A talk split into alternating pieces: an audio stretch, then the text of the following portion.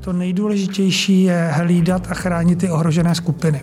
Eh, na podzim může přijít druhá vlna koronaviru, ale daleko více přijde obří vlna těch eh, dneska zanedbaných nebo neobjevených eh, nemocí.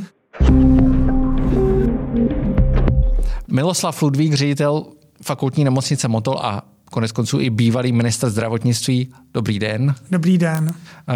Děkuji, že jste dneska přišel a téma s vámi je samozřejmě na bíledni a je úplně jasné. Chtěl jsem se zeptat, moje první otázka, vy jste byl minister zdravotnictví, přivedl jste člověk, který přivedl eh, Romana Primulu na ministerstvo zdravotnictví. Myslíte si, že ministerstvo zdravotnictví odvádí dobrou práci? No, tak mě už na mém tiskovém radili, abych na tyto otázky odpovídal stylem, a co si myslíte o vašem šéf-redaktorovi? Dělá dobrou práci. no, právě. Ne, já si myslím, že já jsem toho Romana Primulu opravdu na to ministerstvo přivedl a řekl bych, že s většinou je kroků, které předpokládám, že pod jeho vlivem ministerstvo dělá, tak se můžu stotožnit. Eh, samozřejmě největší debata se točí kolem toho, jestli promořovat nebo nepromořovat. Říkají radši imunizovat. Imunizovat, ale promořování je přece jenom mediálně vděčnější termín. Ano, chápu. E, nicméně, eh, do jakého toho tábora se řadíte vy? Já jsem od začátku tvrdil, a se to dá dohledat, do televize jsem vždycky říkal, že podle mého názoru to nejdůležitější je hlídat a chránit ty ohrožené skupiny. A ty se dají identifikovat. Dokonce si myslím, že v České republice bych mohl říci, že ta ohrožená skupina je zhruba milion jedno tisíc lidí. To je nějakým způsobem ohrožená skupina, kterou lze identifikovat a kterou bychom měli velmi adresně chránit a hlídat. A ten zbytek republiky bych imunizoval. Myslíte si, že teď se chystá studie velká, která by měla odhalit, jaká ta imunizovanost je v populaci. Dá se očekávat, že i podle těch studií, které proběhly v zahraničí, to nebude, že se bude pohybovat třeba kolem jednotek procent, nižších jednotek procent. Já si myslím, že ten výsledek může být někdy takový, když ale zase na druhou stranu je tam třeba výsledek té dánské studie, která šla přes dárce krve, tam to vyšlo dramaticky více. Takže to bude velmi, velmi velká otázka, může se to lišit, ale eh, s nějakým horizontem jednoho dvou let můžete počítat s tím, že to budou všude v Evropě po celém světě desítky procent. V čem je to největší nebezpečí koronaviru v současnosti?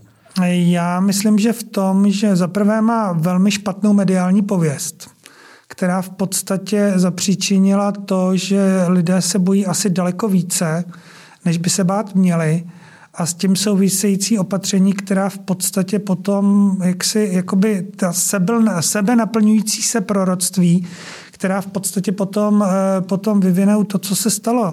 Protože když se na to opravdu zpětně podíváte, tak největším průšvihem téhle epidemie bylo, že vznikla vysoká poptávková špička po zdravotnických službách a ta ten systém zahltila. A to, když se podíváte všude na světě, to je vlastně jediný a hlavní problém, který je s tím spojen. A druhý problém, který já tam vidím a který strašně eh, vytýkám Světové zdravotnické organizaci, že ona není schopná udělat pořádek v datech. Dneska vám není schopen nikdo dát správnou metodiku, koho vlastně počítat jako toho, kdo zemřel díky koronaviru. Jenom já osobně tam vidím minimálně tři skupiny. Vidím tam lidé, kteří eh, zemřeli přímo na koronavirus nebo na tu nemoc COVID-19 a to si myslím, že bude velmi malá skupina. Pak je tam hodně velká skupina lidí, kteří zemřeli díky nebo spolu s koronavirem 19, ale jejich hlavní příčinou smrti pravděpodobně byla hm, nějaká jiná choroba, protože jsou to většinou velmi staří a polymorbidní pacienti. Pak si skoro vsadím, že tam bude i třetí skupina lidí, kteří zemřeli a koronavirus neměli ani se s ním nepotkali. Když eh, často se hovoří o tom, že ten vir mutuje, že je náchylný na teplo a podobně, jak vy ten, ten samotný vir vnímáte? Ani ne tak ty opatření, ale jste šéfem nemocnice, předpokládám, že, že málo kdo má lepší informace. Já nejsem lékař. To nejste, samozřejmě, ale uh, jste blízko lékařů hmm. a slyšíte a určitě, hmm. určitě se s nimi radíte a zjišťujete ty informace. Tak kdybyste se měl pokusit o takovou malou prognózu, eh, jak by ta situace se mohla vyvíjet, protože vidíme, že počet případů klesá, eh, Mluví se o tom, že vir je, je náchylnější na teplo, na větší teplo a zároveň se může znovu objevit. Mutuje, ale mutuje údajně eh, ne, není víc nebezpečný, než by mohl být, spíš méně nebezpečný. Tak jak byste viděl tu situaci během následujících měsíců? Já když jsem se díval na ta data, když jsem mluvil s našimi imunology, tak oni se vyskytují snad jenom dva nebo tři subtypy. Jeden je ten původní, který byl v Číně, eh, v Evropě a tuším, že i ve Spojených státech je jiný subtyp a pak je snad ještě jeden, který je v jižní, v východní Asii, v Austrálii a podobně. Takže zase tak vysoká mutace tam asi nebude. Ale víte, ty prognózy, ty jsou strašně problematické, protože polovina úspěchu toho viru je, jsou, jsou reakce na něj. To znamená, to, co se opravdu stalo, tak to je polovina úspěchu uvozovkách toho viru a myslím si, že ten vtip, který teď koluje v populaci, že se potká chřipka s covidem a říká, heč, já jsem hodně smrtná, nebezpečná a covid odpovídá, co, já mám lepší marketing. Tak jako tady si myslím, že tady je hodně velká odpověď. Já na tohle opravdu nejsem schopen odpovědět, protože pokud by se opravdu ukázalo, že teď s přibývajícím teplem eh, vymizí, aby se třeba na podzim vrátil, tak se ukazuje, že je opravdu hodně podoben, podoben těm chřipkovým virům. A druhou stranu, pokud vím od imunologů, v této chvíli v populaci koluje, myslím, sedm druhů koronaviru. Jo. Akorát, že tenhle ten SARS-CoV, tam je důležitý ty první tři písmena to SARS, protože to byla opravdu velmi nebezpečná a velmi smrtelná nemoc, která řádila, teď si mě opravte, já myslím, 2003. že to bylo v roce 2002, 2003, no. Tak jako, eh, tak uvidíme. Ale SARS konec konců, když se podíváte na tu jeho historii, tak jednoho dne prostě zmizel. No, on tak úplně nezmizel. Ono se jednou za dva roky objeví, že ho někdo dostal, ale, ale za prvé je na ní velmi rychlá detekce a za druhé jsou na něj už eh, ty systémy připravené. Já si myslím, že tohle se stane i s covidem.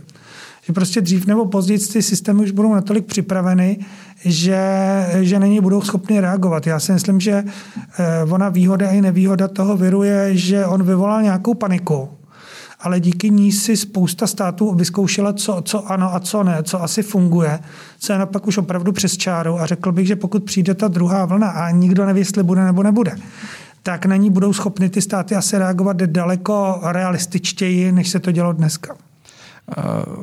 Pojďme přímo k vaší nemocnici, Aha. protože to je ta druhá rovina debaty, kdy samozřejmě tím, že jsme začali se připravovat na COVID, tak jsme trošku omezili ty kapacity ve všech ne, zdravot... trošku hodně, ne trošku hodně, hodně, ve všech zdravotnických zařízeních. Ano. Eh, jak to teďka vypadá? Už, už se vrací operace, vrací se léčby.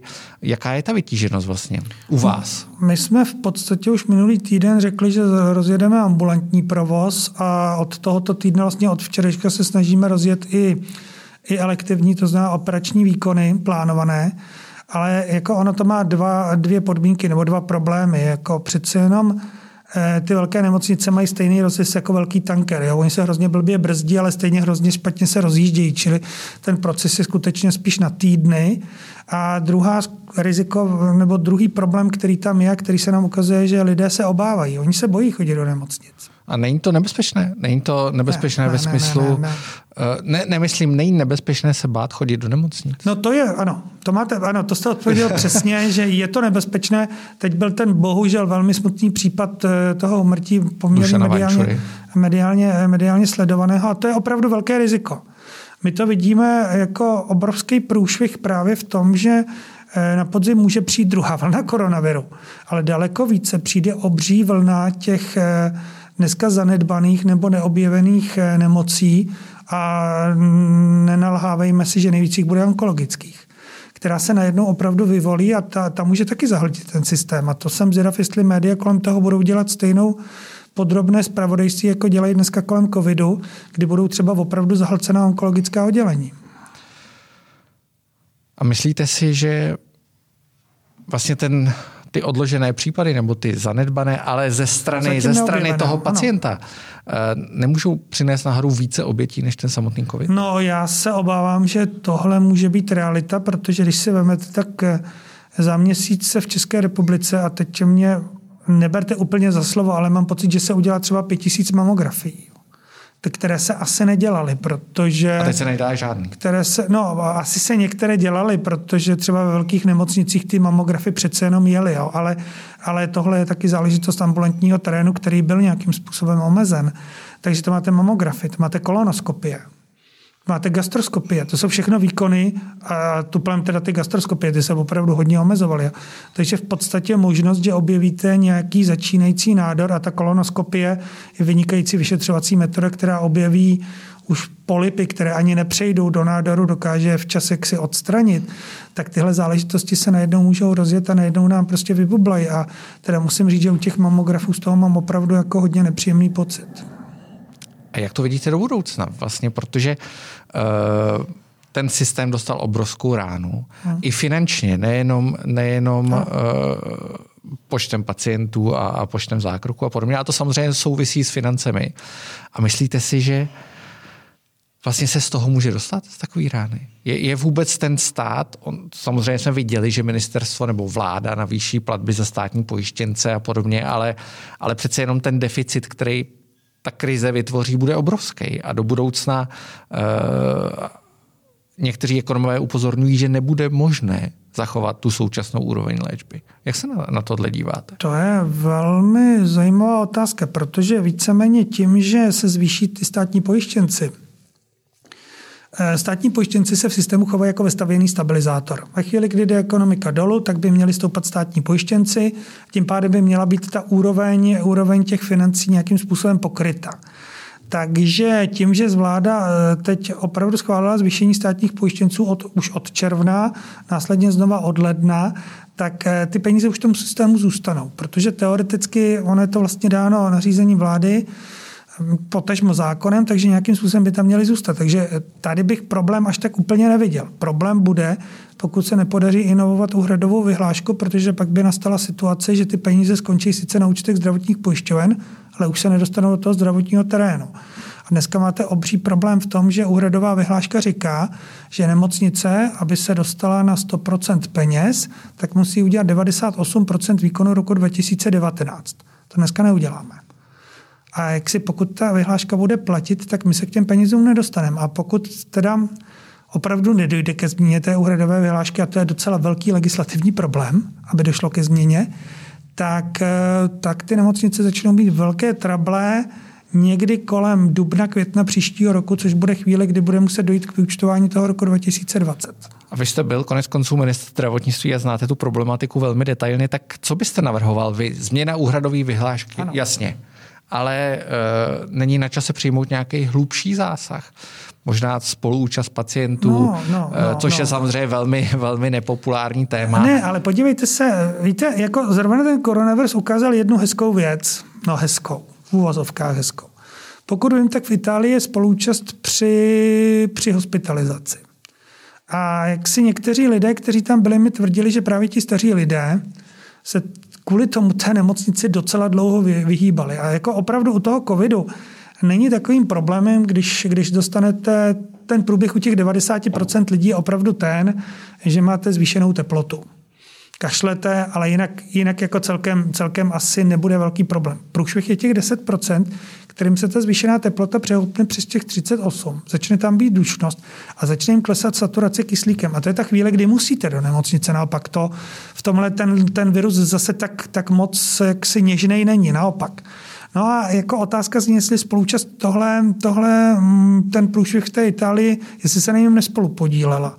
Stejně, když se podíváte na Spojené státy, které jsou slavné tím, že pokud nejste pojištěn, tak tam se k té péči prostě nedostanete. A přesto nemáte... mají největší výdaje na zdravotnictví mají, ze no, všech, no, ale ze všech tam je to z toho důvodu, že tam eh, eh, poměrně je na to krásná studie, tuším dokonce snad Miltona Friedmana nebo někoho z nositelů Nobelovy ceny, která říká, že tam významným způsobem zdrží jejich zdravotnictví úplně extrémně silné postavení jejich lékařské komory, jo, která v podstatě je schopna diktovat ceny a ty, ty, ty ceny za ty výkony ve Spojených státech jsou absurdní. To, jako, když tam vidíte, kolik stojí obyčejné ošetření, tak to, to nemá logiku ani ekonomickou.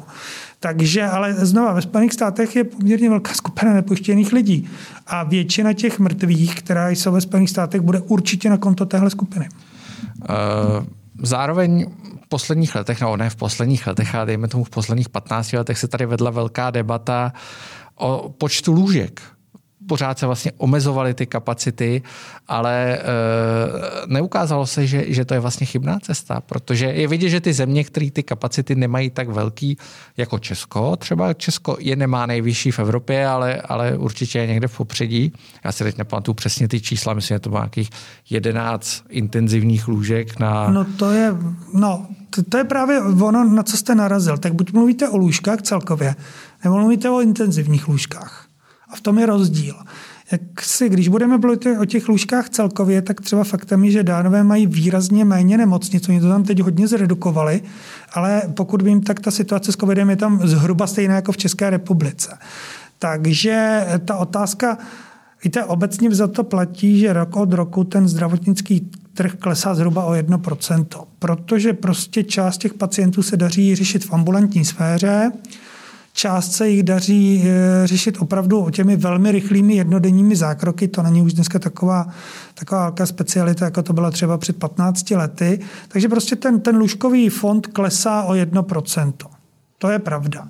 Na druhou stranu se nikdo nikdy v tomhle státě neuměl dohodnout, jak by ta síť měla, měla fungovat. A faktem je, že jsou dva možné přístupy. Buď to bude opravdu státem řízené centrálně nařízené nebo rozdělené zdravotnictví nebo úplná volnost. Ale vždycky ten kočkopes, který je dneska mezi tím velmi špatně funguje. A co byste preferoval? Tak já, já předpokládám, že asi spíš tu státem řízenou. Já tvrdím, že jak se české zdravotnictví je tak dobré, a dneska se ukazuje, že je dobré, a je tak robustní, protože prostě ono bylo dlouhá léta opravdu centralizováno a státně řízeno a že tohle má v sobě zakódováno. Ale to, to se klidně vracíme až do doby Rakouska-Uherska, kdy vlastně vznikala dnešní síť nemocnic. Takže já si opravdu myslím, že ve spolupráci s kraji, protože tam se to musí opravdu musí eh, rozhodovat ty regiony, by se měla určit opravdu ta základní síť nemocnic, která musí být nějakým způsobem státem, státem podporována. Podle mě jako ta velká chyba z toho roku 2003, kdy se nemocnice od státu převedly někam jinam, nebyla nejšťastnější řešení.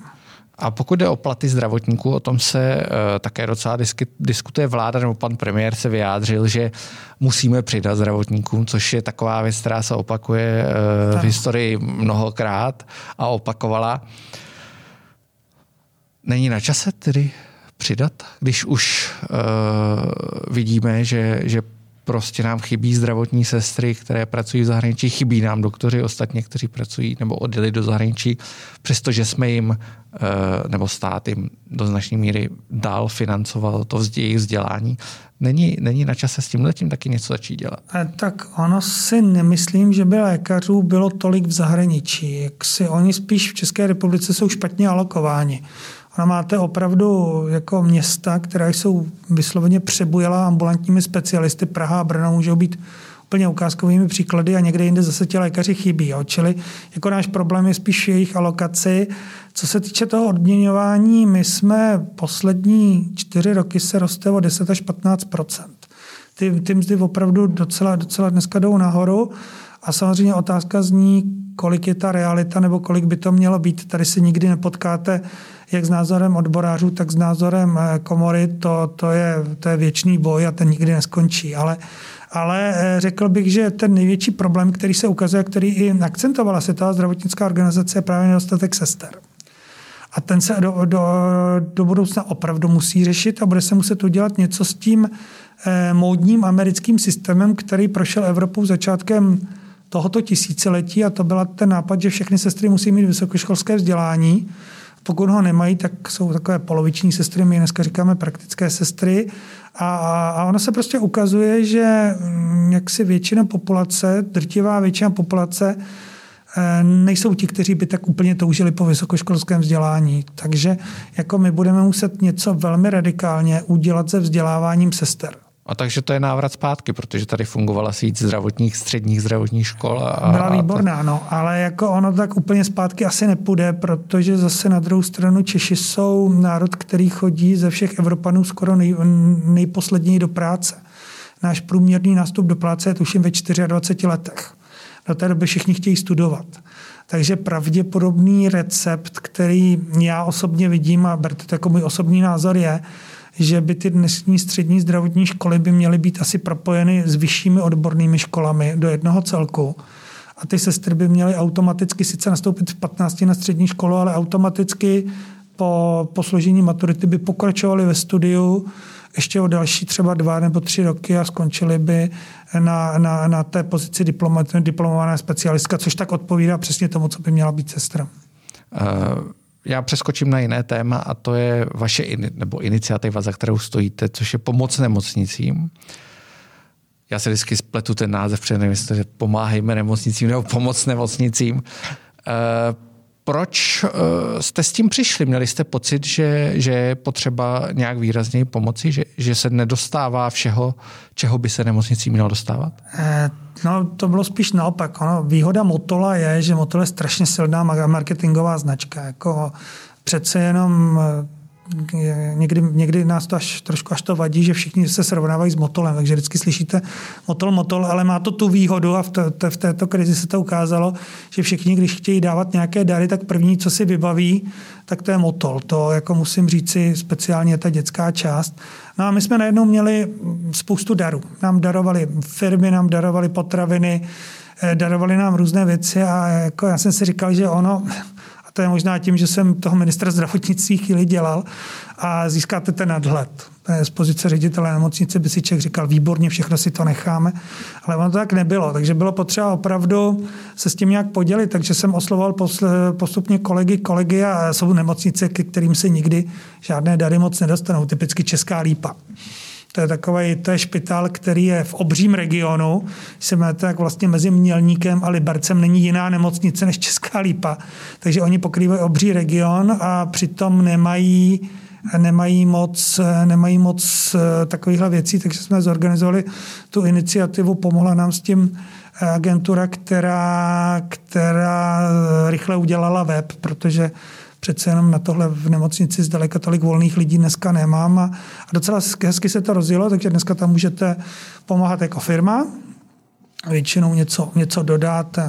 Dostávali jsme tam potraviny, dostávali jsme drogistické věci a podobně. A druhá věc, že, je tam, že můžete pozvat zdravotníky takzvaně na svačinu, což znamená, že jak si, jsou tam naskenované QR kódy, kde můžete rovnou darovat nějakou částku, z které se potom jak si dělá to, že ti lidé na těch covidových jednotkách eh, jsou tam fakt 12 hodin. To jako ty směry jsou 12 hodinové a když si vezmete, že to trvá někdy od 6 od rána do 6 do večera, tak pak a ještě vám trvá to svlékání, to odmořování a tak dále, tak pak už není moc šance, abyste se dostal na nákup nebo podobně. A co se budeme povídat ve feminizovaném zdravotnictví, jsou to nejvíc ženy, které se musí starat o ty rodiny. Takže tohle byla výborná pomoc a já jsem byl sám až překvapen, jak se to uchytilo. Takže... Já jsem se koukal, že tam je opravdu řada velkých firm, eh, který, který se účastní té iniciativy. Jsou, jsou. Nevím, jestli můžu jmenovat. Já Může, jsou můžete, tady, tady můžete cokoliv. Coca-Cola počínaje přes Bilu, Rohlík a tak dále. Skutečně jsou tam, jsou, tam, eh, jsou tam velké firmy, ale jsou tam i menší, jako musím říct, že a je tam transparentní účet, to je třeba říci, protože tam je vidět, že když nějaké peníze, před začátku jsme byli kritizováni za to, že když to začalo fungovat, tak jsme tam měli podnikový účet nemocniční, protože na to nám chodili dary, tak to jsme hrozně rychle změnili, protože... Myslíte si, že tohle je věc, která přežije tu covidovou krizi? Myslím, že ne, ale, ale, ale je, je to, v této chvíli je to hezké a opravdu to pomáhá. Pomáhá to opravdu nemocnicím, které by se normálně k takovýmhle věcem nedostaly, takže já jsem rád, že to tak je, protože pak samozřejmě přijdou zase ty obyčejné, obyčejné dny a my to máme ve ročních zprávách. Motol ročně dostane třeba jenom na finančních darem kolem 20 milionů korun. Jsou velké peníze. Takže jak si my tu gravitaci máme a myslím si, že bylo dobře se teď o to, o to podělit, protože v tuhle chvíli e, já eh, jsem ročník 63 a když byla revoluce, bylo mi 620, takže si ji pamatuju dobře. A já mám někdy pocit, že eh, z těch lidí sála takové nadšení, které já jsem naposledy zažil v těch listopadových dnech roku 89. A kdybyste zhodnotil profesně to současné období, to je moje poslední otázka, eh, je nejhorší nebo nejnáročnější? Eh, myslíte z profese ředitele nemocnice? Z profese ředitele nemocnice. Ale to si Pokud tak... se neplánujete stát ještě ministrem zdravotnictví. Neplánuji. Ale eh, víte, já, já, já furt od médií dostávám neustále otázky na téma, jak jsme všichni unaveni, jakým způsobem je to tam všechno teďka nejnáročnější v celé historii a podobně. Protože řada, řada z těch ředitelů nebo řada těch doktorů to říká. No ale tak si vemte, že Motol třeba prošel kompletní rekonstrukcí dětské části za plného provozu. My jsme jediná nemocnice v Evropě, která se to povedlo. Zkoušeli to třeba v Heidelbergu a tam to vzdali. My jsme opravdu byli nemocnice, kde jeli zbíječky a mezi tím se operovalo a ošetřovali se těžce nemocné děti. To byla teda opravdu náročná doba a za ten, znovu musím personálu za ta léta poděkovat. Takže nevím, jestli jsme otrlejší, ale nám, nám to přijde, že v téhle chvíli prostě děláme svou práci a, a snažíme se ji dělat co nejlépe. Tak já vám děkuju, že jste přišel a přeju vám hodně štěstí. Nejenom v náročných současných časech, ale i v budoucnosti. Díky moc. Díky.